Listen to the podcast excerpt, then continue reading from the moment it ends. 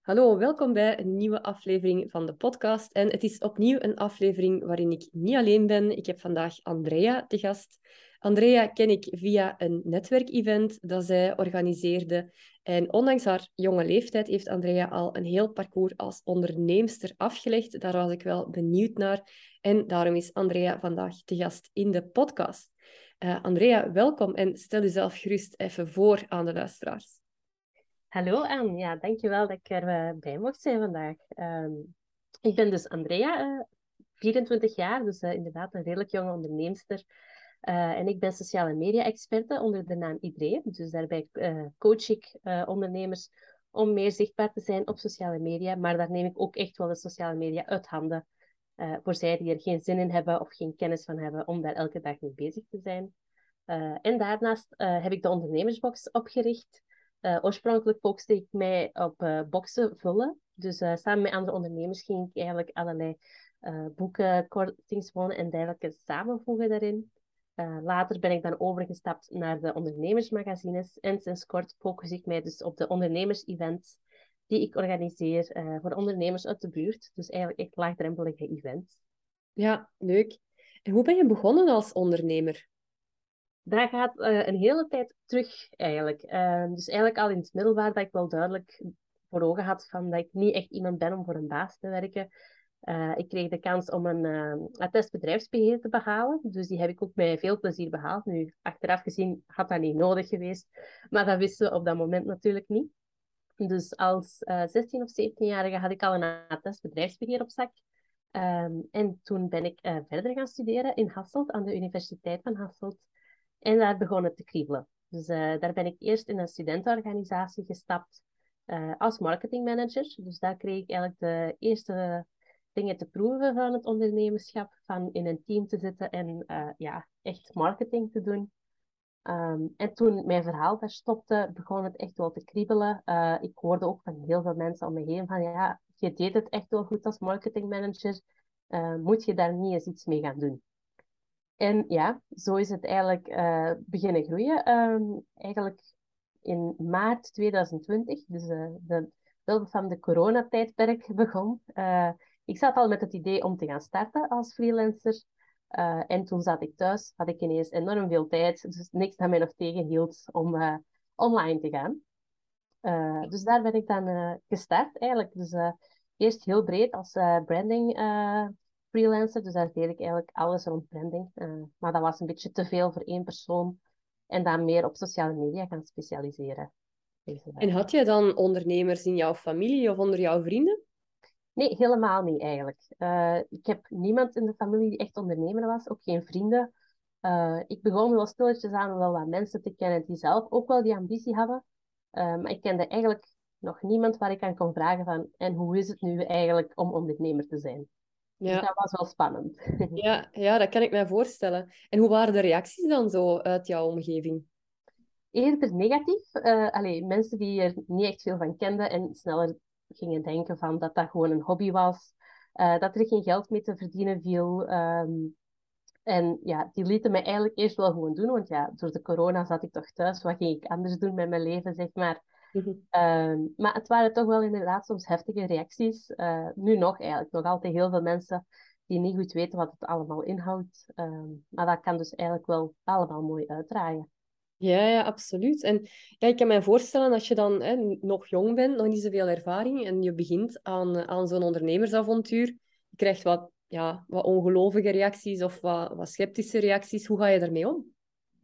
Voor mij was het heel gemakkelijk omdat uh, gewoon naast mij te laten, uh, wat had ik te verliezen? Dat was eigenlijk hetgene waar ik voornamelijk aan dacht. Uh, ik studeerde nog, ja, door de corona zat ik toch thuis, dus ik moest eigenlijk niks opgeven om te kunnen ondernemen. Dus ik had eigenlijk gewoon de gedachte van, ik ga het proberen. Wordt het niks? Ja, dan wordt het niks. Uh, of dan probeer ik wel iets anders. maar ik had zo het gevoel van, niemand kan me tegenhouden. En in het beste geval lukt het. En dan kan ik achteraf zeggen van, zie je wel dat het mij gelukt is. Ja, ja, absoluut. En hoe ging dat dan? Uh, had je eigenlijk van in het begin uh, redelijk, redelijk wat klanten? Hoe is die, die start zo verlopen? De start was een beetje moeizaam. Uh, voornamelijk dus ook door die corona. Hè. Dus heel veel ondernemers die ook zonder werk ineens vielen. Um, dus wel veel interesse gekregen. waardoor ik zo wel mensen begon te leren kennen. Uh, en uiteindelijk stilletjes aan ook wel de eerste klanten uitrolde. Dus eerst was dat heel breed uh, marketing. Dan hielp ik gewoon met het opmaken van mails en zo. Uh, en dan op den duur ben ik me dan meer gaan specialiseren in sociale media. En eenmaal dat ik me meer ben specialiseren, kwamen ook wel meer klanten. omdat ze dus ook wisten waarvoor dat ik stond. Hè. Dus branding, dat is heel breed. En ja, wat deed ik dan juist allemaal? Ja, dat kon ik eigenlijk zelf niet in een paar zinnen vertellen. En eenmaal dat het dan sociale media werd, voornamelijk dan uh, Facebook en Instagram, was het duidelijk. Uh, en begonnen de klanten stilletjes aan uh, binnen te komen. En ik heb eigenlijk ehm, de eerste, ik denk vier maanden, heb ik geen klanten gehad. Dus toen werkte ik eigenlijk voornamelijk aan mijn zichtbaarheid. probeerde ik mensen te leren kennen. maar sinds ik mijn eerste klant heb gehad, heb ik ook echt wel elke maand klanten gehad. Dus sindsdien is de bal gaan rollen. En ja, geen, geen enkele maand nog schrik gehad van oei, er gaat helemaal geen centjes binnenkomen. Ja. ja. En, en, grappig dat je dat zegt. Hè. Ik, hoor, ik hoor dat echt ook vaker van mensen. En ik raad ook mijn eigen klanten altijd aan om, hè, kies een ideale klant en kies een niche. En het is vaak dan dat de bal echt aan het rollen gaat. Omdat zoals dat je zegt, um, als mensen uh, niet heel duidelijk weten voor wie dat je er bent en wat dat je doet, dan gaan ze ook niet uh, willen instappen of ja, dan gaan ze geen contact opnemen. Dus uh, fijn van uh, ook jou te horen zeggen dat vanaf het moment dat je dat wel heel specifiek bent gaan bepalen, dat toen de klanten wel zijn gaan komen en dat de bal aan het rollen is gegaan. Um, ja. Je bent gestart als in bijberoep, um, heb je mij verteld. hoe lang ben je in bijberoep gebleven? En, en wat waren zo de, um, de factoren om dan te beslissen om, uh, om ook in hoofdberoep te gaan ondernemen? Ja, ik ben dus eerst als student-ondernemer gestart. Dus uh, ik heb mijn studies nog anderhalf jaar uh, volgehouden voordat ik besloot ermee te stoppen. en toen zat ik dus met de gedachte, ja, ik kan al direct in hoofdberoep gaan, maar die sprong was voor mij eigenlijk een beetje te hoog. Um, dus daar besloot ik om in bijberoep eerst te starten. Maar wel eigenlijk al met de gedachte van relatief snel de stap te nemen. Um, dus ik ben dan een jaar verkoopster bij een bakkerij geweest. Uh, dat deed ik heel graag, uh, maar ik voelde van, dat was het niet voor mij. Ik had iets anders nodig. Um, en met dat ik dan ook verhuisd was, uh, was die afstand dan te groot. En toen werd het voor mij duidelijk, exact een jaar nadat ik daar begon, ben ik er dan ook gestopt en gewoon de sprong gewaagd. Dus ja, er was eigenlijk niks dat mij nog kon tegenhouden. Ik ben jong, ik heb nog niet echt vaste kosten. Uh, ik heb nog geen lening lopen of ik moet nog geen huur betalen. Dus als ik ging springen, dan moest ik wel echt nu springen, want ik had niks te verliezen. En uh, omdat ik dan toch al een jaar uh, ja, dat in mijn achterhoofd had, zeg maar, had ik ook al genoeg gespaard. Had ik ook echt wel mijn aanbod al stilletjes aan staan uitwerken naar wat gaat er gebeuren als ik in hoofdberoep ga. Uh, ook al de juiste investeringen gedaan. Ook altijd goed kijken van op lange termijn, heb ik er iets aan of niet? Mm -hmm. ja, en, en dan is het een kwestie van springen. Hè? Ja, dat is een maand geleden, denk ik, hè? Ja, klopt, inderdaad. Exact een maand geleden nu. En merk je daar een, een groot verschil nu dat je dat in hoofdberoep doet? Wat zo, ja, het verschil met, met toen dat je er nog een, een baan naast had? Ja, ja, dus ja, ik, ik was beperkt in tijd. Hè, dus uh, dat was voor mij echt een hele moeilijke. Ik stond zo precies zo tussen twee vuren en ik kon niks nog echt voor de volle 100% doen. Want ja, je wilt je job natuurlijk goed blijven doen. Maar ja, je wilt eigenlijk je, je zelfstandige activiteit uitbouwen. En nu kan ik er gewoon 200% voor gaan. En sinds dat ik dat heb kunnen doen, merk ik ook echt wel, er komen veel meer mensen op mijn pad. Uh, veel meer opportuniteiten. En ja, gewoon omdat mijn mindset ook wel goed zit nu. Ik weet waarvoor dat ik aan het gaan ben. Ik weet wat mijn doel is. Um, en dan komen die dingen gewoon automatisch op je pad. En mm. daar merk ik echt heel veel verschil. Ja. Ja, ja tof dat dat, uh, dat, dat ook zo'n impact kan, kan hebben. En die, die focus die je dan helemaal op dat ondernemerschap kunt leggen, dat dat dan ook echt wel als resultaten uh, oplevert. Ja, leuk. Zijn er ook minder fijne uh, aspecten aan het ondernemen voor jou? Tuurlijk. Ik denk dat iedereen dat wel heeft. Hè. Je hebt sowieso een bepaalde onzekerheid. Nu, tegenwoordig heb je dat bij een gewone job ook natuurlijk. maar hier staat je wel zelf voor, voor je loon. Uh, maar ook wel het eenzaamheidsgevoel. Uh, ik heb dan eigenlijk, allee, zeker met mijn sociale media, uh, zit ik voornamelijk van thuis uit achter mijn computer te werken. Sommige klanten zie ik wel via een videocall, maar dat is niet hetzelfde als wanneer dat je met, met collega's werkt. Ja, dan al helemaal als verkoopster bij een bakkerij, wat ik dan eerst deed. Ja, je spreekt heel de dag door met mensen. dus dat is dan wel de mindere kant. maar dat probeer ik dan ook wel te compenseren door geregeld eens een koffietje te gaan drinken met ondernemers. Zelf events dan te organiseren. en op die manier mijn eigen toch te omringen met mensen die ook in hetzelfde, hetzelfde kanaal zitten, zeg maar. Mm Of alleen hetzelfde weg. en die mij ook gewoon begrijpen. Want soms, allee, ik heb dus nog altijd geen ondernemers in de familie. Uh, dus die begrijpen het ook niet hoe het is om eens af en toe een ambetante klant te hebben, bijvoorbeeld. Dan is het gemakkelijker van hun om te zeggen, ja, laat die klant maar vallen. Terwijl het niet altijd zo zwart-wit is, natuurlijk. Mm -hmm. Ja, ja. Ja, en ik zei het al in de inleiding. Hè, het is, ik ben ook eens een keer mee geweest met een wandeling die dat je organiseert. Um, ik hoor vaak van mensen, ja, netwerken, dat is niks voor mij. Um, ik ga niet graag naar grote events waar dat je hè, niemand kent en dan moet je daar met iemand uh, ja, hè, beginnen small talk. Dat is niks voor mij. Ik hoor heel vaak zo die, die, die bezwaren en ik herken maar, mij daar ook enorm in. Denk dat ik zelfs een podcastaflevering uh, Netwerken als introvert een keer heb opgenomen. Um, ja, hoe sta jij daar tegenover? Wat is jouw visie op, op netwerken en, en wat hebben die netwerkevents die jij organiseert um, zo als kenmerk? Ja, dus ik herken me helemaal in wat je zegt. Hè. Dus, uh, toen ik dan in die studentenorganisatie zat, gingen we ook geregeld naar netwerkevents. Uh, maar dan spreken we het over events van 100, 200 man. Uh, allemaal strak een pak, ehm, wijntje erbij en ja, de, de typische small talk, zoals je zegt. en ik zag de meerwaarde er altijd wel van in, want uiteindelijk kwam je wel met een of andere samenwerking thuis.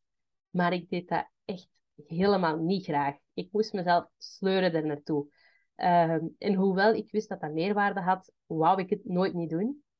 Ehm, en dan ben ik eigenlijk zo af en toe uh, kleinere events gaan beginnen bijwonen. Uh, maar die waren meestal redelijk ver weg. Dus dan moest ik al anderhalf uur rijden om zo een netwerkwandeling te gaan doen. Ehm, en ja, toen begon ik te denken, waarom kan dat niet gewoon hier bij mij in de buurt? en omdat ik toch al geregeld op de koffie ging met andere ondernemers, wist ik dat er wel meer mensen waren die ook zeiden van ja, eigenlijk zo eens met ondernemers kunnen afspreken in de buurt, dat zou ideaal zijn. Ehm, ik weet maart van dit jaar uh, dat ik dus echt gewoon, terwijl ik zelf in mijn eentje aan het wandelen was, dacht van godverdomme, ik moet dat nu eens gewoon gaan doen. En ik heb toen, ik was echt nog buiten, ik heb mijn gsm gepakt, ik heb gekeken wanneer heb ik tijd, dat weet ik nog, dat was toen um, over drie weken woensdag. En ik heb het in mijn agenda gezet en ik dacht, ik kom zwiet thuis, ik zwier het online en we zien wel. Komt er niemand opdagen, dan is het zo. Maar er kwamen wel mensen opdagen en sindsdien is het eigenlijk altijd een succes geweest. Um, en ja, sindsdien bestaan de events hier ook uh, ja, in de regio van Averbode, Diest, uh, maar ook Geel, Mol. Ja. Uh, dus deze regio probeer ik daar een beetje mee te dekken. Ja, ja leuk. Zie je daar ook eh, samenwerkingen ontstaan in die ja. events? Ja, heel veel. Allee, bij mezelf sowieso ook, want ik heb al vaak gehad dat er dan mensen langskwamen en dat ik achteraf dacht, oh, dat was eigenlijk wel net iets waar ik nood aan had. Um, dus dan gaat je daar een samenwerking mee aan. Maar ik zie ook geregeld op sociale media dan passeren uh, dat mensen dan bij elkaar in een traject zijn gestapt of dat ze een fotoshoot geboekt hebben of dergelijke. Uh, en dat doet mij zoveel deugd om dan te zien dat die mensen, ook al was het maar een heel kleine groep, dat je er zoveel waarde uit haalt, dat er ook effectief gewoon omzet uitkomt. Hè. Want dat is uiteindelijk wat we willen. Uh, maar dat is altijd wel, allee, dat is moeilijk om te zeggen dat je dat na één keer meedoen kunt halen, maar dat je dat dan toch ziet, dat is dat echt wel, dat doet mij deugd. Ja, ja het is ook fijn, hè? er is een enorm online aanbod. Uh, als je bijvoorbeeld een fotograaf zoekt, je kunt onmiddellijk er ja, honderd vinden uh, door gewoon al op, op Instagram rond te scrollen. Maar dan merk je dat het echt nog wel een meerwaarde is als je met die mensen alles fysiek gesproken hebt, dat je die ergens uh, ja, gezien hebt. Um, dan gaat je gewoon weg sneller naar die persoon. Omdat je, ja, je hebt er meer vertrouwen in. Hè? Je hebt die persoon echt al een keer meegemaakt. Dus, um, en daarvoor ja. hoef je echt niet naar de grote events te gaan. Want ja, een event met 200 mensen, daar gaat je waarschijnlijk ook met maar een tiental mensen spreken van ja, hoe, hangt er een beetje vanaf hoe, uh, hoe handig dat je bent in die events. Hè. Als je daar echt uh, goed in bent, uh, working the room, en je kunt heel veel contacten leggen, ja, dan is dat natuurlijk tof. Maar de meeste mensen blijven uiteindelijk toch maar een beetje in hun hoekje staan met dezelfde mensen ja, waar, waar dat ze bij, bij aanbeland zijn, zonder dan nog echt heel veel nieuwe mensen aan te spreken. En dus ja, het hoeft geen, geen mega groot event te zijn om er heel veel waarde uit te halen. Dus um, ja, leuk dat je, dat je zo'n dingen ook faciliteert. Want ik denk het grote verschil, veel mensen zullen wel graag van die events doen, maar er zijn er maar heel weinig die het dan ook nog effectief gaan organiseren. dus het feit dat jij zegt van ik pakte gewoon mijn gsm en ik gooide het online en eh, ik zag wel wat dat er gebeurde. Hè. Ik denk dat ja, er zijn maar weinig mensen bereid om die sprong te zetten. Uh, ook al zit er misschien niet veel risico in, ja, toch gewoon al het feit dat je dat aankondigt, dat je zegt van kijk, dit is wat ik ga doen.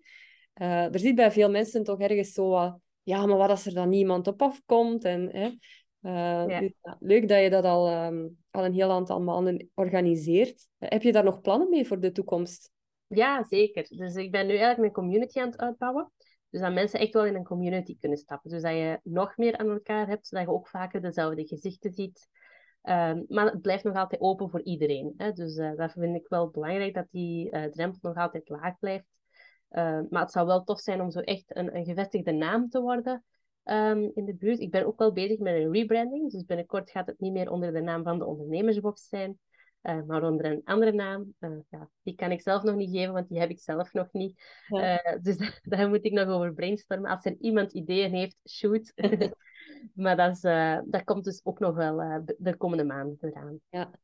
ja, en leuk dat een onderneming ook, ook op korte tijd eigenlijk zo kan evolueren. Hè. Je bent gestart met de, de boxen, echt met, met fysieke, fysieke producten.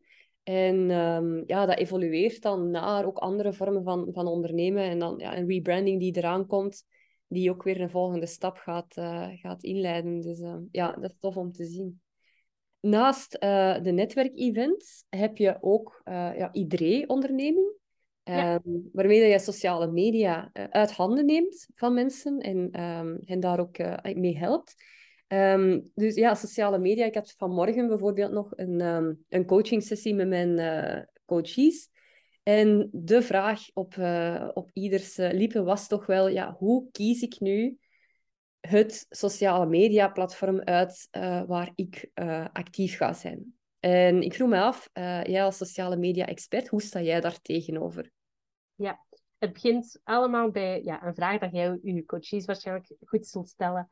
Uh, wie is uw ideale klant? Um, daar begint het eigenlijk mee. Ga kijken wie moet je bereiken uh, en dan waar kun je die het beste vinden. Um, ik merk voor mezelf bijvoorbeeld uh, dat Facebookgroepen voor mij heel goed werken, omdat ik dan voornamelijk ondernemers als doelpubliek heb. Er zijn heel veel Facebookgroepen, dus er zal sowieso ook wel een groep zijn voor jouw doelpubliek. Um, maar verder, ja, Instagram is ook wel heel trending voor wie dat er B2B werkt, is LinkedIn ook echt wel uh, een grote meerwaarde. TikTok begint ook uh, serieus op te komen, dus daar kun je ook wel die doelpubliek vinden.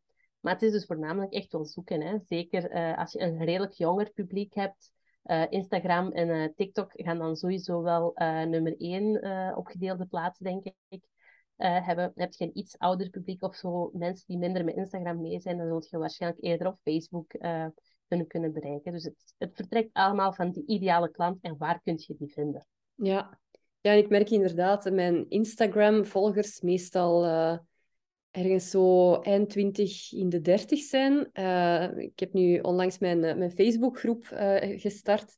En als ik daar vraag om zich voor te stellen, dan merk je dat er heel veel veertigers zijn. Uh, dus inderdaad, zo die, die leeftijdsgrens van, van 40, 45-plussers die toch nog altijd op Facebook heel actief zijn. En ik merk ook dat die mensen vaak enkel maar op Facebook zitten. Ja. Uh, en dat zij niet zo snel geneigd zijn om ook te gaan experimenteren met bijvoorbeeld een Instagram, laat staan een TikTok. Ja. Uh, dus het loont, en zeker wat je zegt, ook die Facebook-groepen. Want ja, Facebook op zich, um, daar verdwijnen dingen nogal vaak in de massa. Maar als je heel gericht kunt gaan... Um, aanwezig zijn en, en kijken in Facebook-groepen. Dat vind ik inderdaad ook wel echt een, um, ja, een heel fijne bron. Niet alleen van klanten, maar voor mij ook van inspiratie. Als ik denk van, waar ga ik een keer een podcast over maken? Ik moet eigenlijk maar eens scrollen door zo'n Facebookgroep voor ondernemers om te kijken welke vragen stellen die mensen, waar lopen die tegenaan. Uh, en ook hoe verwoorden zij dat zelf? Hè? Welke taal gebruiken zij? Uh, om dat te omschrijven. En dat is ja, super waardevolle informatie eigenlijk om, uh, om dan in je eigen marketing te kunnen gebruiken. Dus. En dan TikTok, daar merk ik wel um, een hele grote shift. Ik weet niet hoe dat jij dat ziet, maar een paar maanden geleden dacht ik, uh, ik ga een keer op TikTok um, beginnen. En dat was toen eigenlijk echt een ramp. ik denk dat mijn publiek alleen maar 16-jarige jongens waren die uiteraard niet op zoek waren naar mijn content, met de bijhorende comments die je dan kreeg. Hè. Dus ik dacht toen echt van, nee, TikTok, daar moet ik absoluut niet aanwezig zijn. Nu ben ik daar een paar weken geleden opnieuw mee begonnen. En nu merk ik ehm, dat er wel veel meer van, ja, van mijn potentiële klanten, ook concurrenten, hè, zeker mensen die met marketing bezig zijn, denk ik, die zijn toch wel echt bezig met TikTok. En ook de content, waar dan een paar maanden geleden nog echt de trending sounds en de dansjes en, en, en die dingen, uh, dat er nu ook veel meer mensen heel hoge views halen met zaken zoals bijvoorbeeld een fragment uit hun podcast uh, dat ze tonen. Hè? Dat ze zichzelf gefilmd hebben terwijl ze die podcast opnemen en daar dan een fragment uit tonen. Dus um, ja, die platformen die, die evolueren eigenlijk wel ongelooflijk snel. Uh, dus dat is wel interessant om, uh, ja, om in het oog te houden. Ja, ja, inderdaad. Ja, ik merk dat zelf ook. Allee, TikTok, in het begin had ik echt iets van, ja, dat wordt weer niks. Uh, nu begin ik daar zo ook wel over te twijfelen, omdat ik toch wel merk van, oké, okay, er komt toch wel duidelijk meer interactie bij kijken en er komen veel meer mensen op. Mm -hmm. um, dus allee, je kunt de dag van morgen natuurlijk niet voorspellen. Hè. Voor hetzelfde geld, over twee maanden is iedereen het beu. Maar ja, dat kan met Facebook en met Instagram hetzelfde verhaal zijn natuurlijk. Ja. Um, dus ik vind het daarom ook wel altijd belangrijk van zet u niet, focus je niet alleen op één kanaal, uh, maar kijk welke dat je aanvullend aan elkaar kunt gaan gebruiken. Want allee, een tijdje geleden weet ik uh, dat Facebook en Instagram toch redelijk wat uren plat hebben gelegen. Uh, en toen ging mijn hart toch even sneller slaan. Want hoe lang gaat dat nog offline blijven? En wat met mijn, met mijn werk natuurlijk. Dus, ja. Ja. Ja, ja, ik was van het weekend ik was, zeer enthousiast mensen beginnen uitnodigen voor mijn Facebookgroep. Blijkbaar een beetje te veel volgens Facebook, want ineens was mijn account geblokkeerd. En ik moet toegeven, dat is toch wel een klein paniekje. Omdat je zoiets hebt van, ja, oei, wat als ik dat nooit niet meer terugkrijg? Hè? Uh, oh, wat moet ik dat doen met dit en dat? En, uh, omdat ja, je hoort wel vaak van die horrorverhalen of mensen die gehackt zijn of mensen die hun account kwijt zijn en het ook nooit meer terugkrijgen. Want ja, het is niet dat je bij Facebook, uh, het is niet dat je daar iemand aan de lijn krijgt die je kan helpen. Hè? Dus dat is altijd zo, ja, een beetje... Um, stresserend als je daar iets moet uh, gedaan krijgen. En dan is dat ook weer een goede reminder natuurlijk om niet alleen maar in te zetten op ja, een bepaald sociale mediakanaal. Want ja, als al je business komt uit bijvoorbeeld je Instagram-kanaal en je raakt het kwijt, ja, dan moet je echt van nul opnieuw beginnen. Dus ik zet ook altijd in op e-mail marketing. Ik probeer altijd de, de contactgegevens van, uh, van mensen die geïnteresseerd zijn uh, zelf uh, te kunnen beheren. Um, dus ja, het is wel het is een, een heel fijne manier om mensen te bereiken. Maar ja, je hangt af van het platform ook, het algoritme. Um, ik merkte bijvoorbeeld, en ik zie, dat, ik zie daar regelmatig mensen over klagen, dat bijvoorbeeld uh, het bereik op een Instagram, hè, de, de mensen die bijvoorbeeld uh, jouw stories te zien krijgen, um, dat was bij mij echt tot op een dramatisch dieptepunt gedaald een paar weken geleden. Nu is het weer terug wat, wat gestegen. Maar toch, het blijft eigenlijk wel heel laag. Ik merk ook de mensen die mijn posts liken, dat zijn meestal de 40, 50 zelfde mensen. Ook al dat ik uh, eh, 1200 volgers heb, denk ik. Maar ja, het zijn wel altijd dezelfde mensen die, die content zien. Um, heb jij daar bepaalde tips voor? Ja, dus stap 1, niet panikeren. dus, uh, dat is bij veel mensen dat, ze mij dan ineens beginnen sturen van uh, Andrea, help, mijn post van gisteren heeft bijna geen bereik. Ja, 9 van de 10 gaat het er gewoon aan liggen dat Instagram weer een of andere update erdoor wil pushen. en er dus meer aandacht gaat naar die update, zeg maar, dan naar uw post zelf. een goed voorbeeld ervan, de Reels, die een tijdje geleden gelanceerd zijn op Instagram wie dat er toen in die eerste paar weken een reel plaatste, zou echt viraal zijn gegaan met duizenden views en zoveel likes ook. Um, terwijl dat, dat nu ook gestabiliseerd is. Um, dus meestal ligt het er eigenlijk gewoon aan dat Instagram een bepaalde update wil doen. Uh, maar een goede tip is om zelf die interactie dan ook aan te gaan. Um, als je merkt van, oké, het zijn altijd weer dezelfde mensen uh, die reageren, ga zelf ook eens op iemand anders gaan reageren. Zorg ervoor dat je een bepaalde band krijgt Um, doordat je die mensen gewoon een privéberichtje stuurt, zullen die mensen ook snel een post zien. Um, dus allee, je moet het niet te geforceerd of te verkoperig uh, kan gaan laten overkomen. Maar stuur ze gewoon een berichtje van hey, ik zag op je verhaal dat je daarmee bezig. Uh, kunt je wat tips gebruiken? Of hoe heb jij het ervaren? Of iemand die een boek aan het lezen is dat je ook interesse in hebt. Um, stuur die een berichtje. Dat moet niet heel groot zijn, maar soms kan het al helpen van zo'n paar mensen aan te spreken. Uh, om je bereik terug een boost te geven. Omdat Instagram dan weer gaat zien van, oh, die is nieuwe mensen aan het aantrekken. We zullen die content nog een beetje verder pushen. Uh, en dan krijg je uiteindelijk toch nog meer nieuwe mensen. Ja, en dat is inderdaad een goede tip. Het is sociale media, dus niet enkel maar uitzenden, maar ook die interactie aangaan, reageren op, op anderen. Um, ja, dat is een hele belangrijke. En dat is dan weer veel minder, heb ik de indruk, op een platform zoals TikTok. Uh, ja, daar, daar kun je ook reageren. Daar kun je ook zelfs zo um, publiekelijk reageren op een, een comment. Hè, dus dat dan weer wel. Um, maar daar is denk ik momenteel toch nog altijd zo dat heel veel nieuwe mensen uw content te zien krijgen. Dus mensen die je totaal nog niet kennen. Um, wat dan ook weer natuurlijk leuk is om je bereik te, te doen vergroten. Hè? Ja, ja. ja, misschien tot slot over dat doen groeien van bereik. Ik zie ook heel vaak mensen die uh, van die growth hacks uh, organiseren. Vandaag zag ik er weer uh, eentje. Um, waar dan 6000, nee, 4000, 4000 of 5000 daarnet, hè, dus ondertussen is misschien al 6000 reacties op komen. Um, dus dat leeft blijkbaar wel enorm bij, bij mensen. Ik raakte er een beetje de... Ik dacht, ik zal een keer kijken wie er allemaal gereageerd heeft, maar er was eigenlijk geen begin niet meer aan, omdat het er zoveel waren. Ik zie ook vaak winacties die worden georganiseerd. Uh, en daar zie ik dan vaak zo'n beetje de kritische vraag van, ja, met zo'n winactie, um, gaat je daar ook je ideale klanten mee aantrekken? Of zijn dat gewoon mensen die op zoek zijn om snel iets uh, gratis bij u te scoren? Hoe zou jij daar tegenover staan? Ja, voilà. Ik krijg er sowieso al kippenvel van. Hè? Zeker van die growth hacks. Um, de vraag die ik dan direct stel is, bent je iets met 10.000 volgers als er geen één van een klant is of een potentiële klant? Natuurlijk niet. Ik zie mensen die met 100 volgers op uh, Instagram uh, een mega succesvolle business uh, runnen. Nu natuurlijk sociale media helpt. En hoe meer mensen dat u zien, hoe beter dat het kan worden. Maar dat is niet de essentie. Uw business draait niet rond sociale media. Het moet een medium worden om verder te geraken. Uh, en gewoon pure cijfers, pure volgers, ja, daar ben je niks mee. Um, die mensen gaan u hoogstwaarschijnlijk zelfs terug ontvolgen. Um, en ja, die zullen nooit geen klant worden.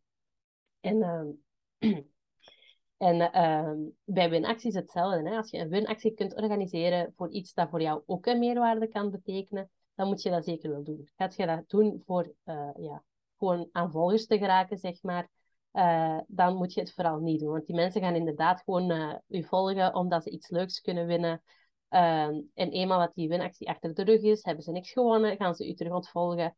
Uh, en dat is dan weer negatief, hè? want dan gaat Instagram zoiets hebben van oei, veel ontvolgers tegelijk. Dat account zal minder waarde leveren, dus we gaan het nog minder tonen. En zo raak je gewoon in een negatieve spiraal terecht. Ja. Dus zo'n dingen blijft er ver van weg, terwijl dat Tenzij als er echt wel uh, duidelijke meerwaarden in zitten. Ja. Ja, om nog maar te zwijgen voor die, over die follow-for-follow acties die soms gelanceerd worden. Uh, krijg soms wel zo'n berichtje binnen. Hè. Um, ja, dat, dat is echt um, nefast voor, uh, voor uw bereik en, en uw engagement. Hè. Ja, ja. Plus, je kunt er ook mee geblokkeerd raken. Hè? Mm. Zoals dat jij dan eh, op Facebook geblokkeerd raakt met te veel mensen te willen uitnodigen. Als je op Instagram te veel mensen achtereen gaat volgen, exact hetzelfde. Hè? En uh, dat is het laatste dat je wilt, dat je dan geblokkeerd raakt en dat je niks meer kunt doen. Ja. Dus moet je ook even gaan overwegen, ja, zijn die extra volgers het wel waard om eventueel geblokkeerd te worden of zelfs heel je account kwijtraken? Hè? Ja, ja, inderdaad. Ja, het is weer november, dus uh, Black Friday uh, staat weer voor de deur. Hè. Dat is waarschijnlijk ook uh, de moment waarop dat we uh, op sociale media worden overspoeld met aanbiedingen, Black Friday kortingen. Is dat iets waar je aan gaat meedoen? Nee, absoluut niet. Maar ik denk dat dat ook sowieso afhankelijk is van de doelgroep. Ehm, mensen die bijvoorbeeld coachingtrajecten aanbieden, daar zou ik het sowieso niet bij doen. ten eerste al, als je een coachingtraject aanbiedt van 1000 euro en op Black Friday gaat je dat dan lanceren aan de mooie korting van 600 euro, dan gaat je heel veel kwade mensen op je dak krijgen van ja, ik heb dat vorige maand bij u aangekocht en nu zou het maar 600 in plaats van 1000 euro zijn. Dan had ik beter gewoon gewacht. Ja. Ehm, en volgend jaar gaat dus iedereen gewoon wachten. Hè? Dus die paar maanden voor Black Friday gaat je waarschijnlijk veel minder klanten hebben. Om dan op Black Friday wel een kleine boost te hebben, maar die het uiteindelijk niet echt waard is. Want op Black Friday zet iedereen van alles online, je verdwijnt in de massa. Dus zelfs gewoon algemeen online zijn heeft dan weinig genut, omdat iedereen op dat moment online is. Ik merk dat ook bij advertentiecampagnes. Um, als je nu advertentiecampagnes gaat lanceren, je resultaten zijn veel slechter dan dat je in de zomer bijvoorbeeld uh, gehaald zou hebben. Met exact dezelfde content, exact hetzelfde doelpubliek. Ja, ja. Ja die... omdat iedereen online is. Ik was nog aan het overwegen om uh, in november een keertje te adverteren voor mijn webinar, maar als ik u dan uh, bezig hoor, is het niet echt de ideale timing om het nu te gaan, uh, te gaan proberen. Nee, dat zou ik nu niet proberen. Nee. nee. Hmm. ja, en zo komen er altijd factoren tussen die, die met strategie dwarsbomen. Ik ga voor Black Friday, van, ik ben er nog niet over uit, maar ik denk dat ik iets ga, uh, een keer een experiment ga doen. Maar ik ga er iets nieuws voor creëren. Dus ik ga inderdaad niet zeggen, uh, ja, mijn coaching traject is nu uh, aan 40%. Want moest ik zelf klant zijn, zou ik dat ook niet appreciëren. Ik heb het al in de solde als ik een broek gekocht heb aan volle prijs. En dan zie ik daarna in de solde dat die uh, in, uh, in solde staat. Dan koop ik meestal nog een exemplaar gewoon voor nog een klein beetje te profiteren van de korting. Maar inderdaad, ja, je moet daarmee opletten. En Um, dat zijn wel dingen, eigenlijk met alles is dat zo. Hè? Als je een keer een korting geeft of bepaalde voorwaarden aan een bepaalde groep, um, altijd opletten met ja, wat hebben nu bestaande klanten betaald. Want uiteindelijk, dat zijn de mensen die er als eerste bij waren, die u als eerste hun vertrouwen gegeven hebben. Die wil je natuurlijk niet penaliseren door dan uh, nadien een, uh, een grote korting te gaan aanbieden. Dus um, ja, ik ben wel benieuwd. Black Friday ja, het is, het is ook hè, voor de technologie uh, aankopen heel gekend. En dan is het zo'n beetje doorgecijpeld tot in andere, andere branches van ondernemen. Um, maar het is een beetje zoals die winacties en, en de growth hacks. Ja, het kan zorgen voor een, een kortstondige cash-injectie in uw bedrijf, wat natuurlijk altijd fijn is, maar heeft het op lange termijn ook uh, voordelen voor uw business of doet je er eerder nadeel mee? Um, ja, ik denk het, het kan werken, maar denk er goed over na of uh, hoe het past in je strategie. Hè. Ja. Alright. Super interessant, Andrea. Um, ja, uh, om af te ronden, waar kunnen uh, de luisteraars jou vinden en kunnen ze, kunnen ze jou levende lijven op een netwerkevent ontmoeten misschien? Wat staat er op de planning? Op de planning staat sowieso op 14 november, maar dan is deze podcast misschien nog niet live. Um, uh, nog net. Het gaat nog net lukken. Nog net lukken, voilà. Dus op 14 november is er een ondernemersontbijt in Mol. Um, en dan zijn er nog twee andere events die uh, op de planning staan, maar nog niet online, want ik ben nog aan het zien dat het qua locatie lukt. Maar er komt nog een ontbijt aan in Scherpenheuvel en een wandeling in Herselt. Um, de wandeling in Herselt zal deze keer op een zaterdag plaatsvinden. Er was veel vraag naar vanuit ondernemers. Uh, welke zaterdag juist, dat komt waarschijnlijk één van de dagen online. Dus sowieso tegen dat deze podcast online staat, gaat je het kunnen vinden. Uh, en dan moet je op uh, deondernemersbox.be gaan kijken, doorklikken naar events. En daar zie je alle toekomstige events. Kunt je ook aanmelden voor de, de nieuwsbrief, dus dan weet je het als eerste. Um, en ja, op sociale media, dus deondernemersbox.be en idre.be, om het lekker makkelijk te maken. Gewoon mijn website in sociale media ingeven en je komt er wel. Ja, tof. En ik ga zeker in de show notes ook de link naar uh, jouw website zetten, waar uh, mensen uh, alle informatie over de events kunnen vinden. Het is een super mooie streek om te gaan wandelen ook. Hè. Dat is, ja. Daar heb je wel een chance mee. In inderdaad, inderdaad. Ja, dat is tof. Heel fijn. Ja, leuk Andrea van jou in de podcast te gast te hebben. Ik wens je nog super veel succes met heel de rebranding en alle activiteiten die je nog, uh, die je nog gaat doen. Dankjewel. Het was heel tof om erbij te zijn. Alright, bye bye. Doei.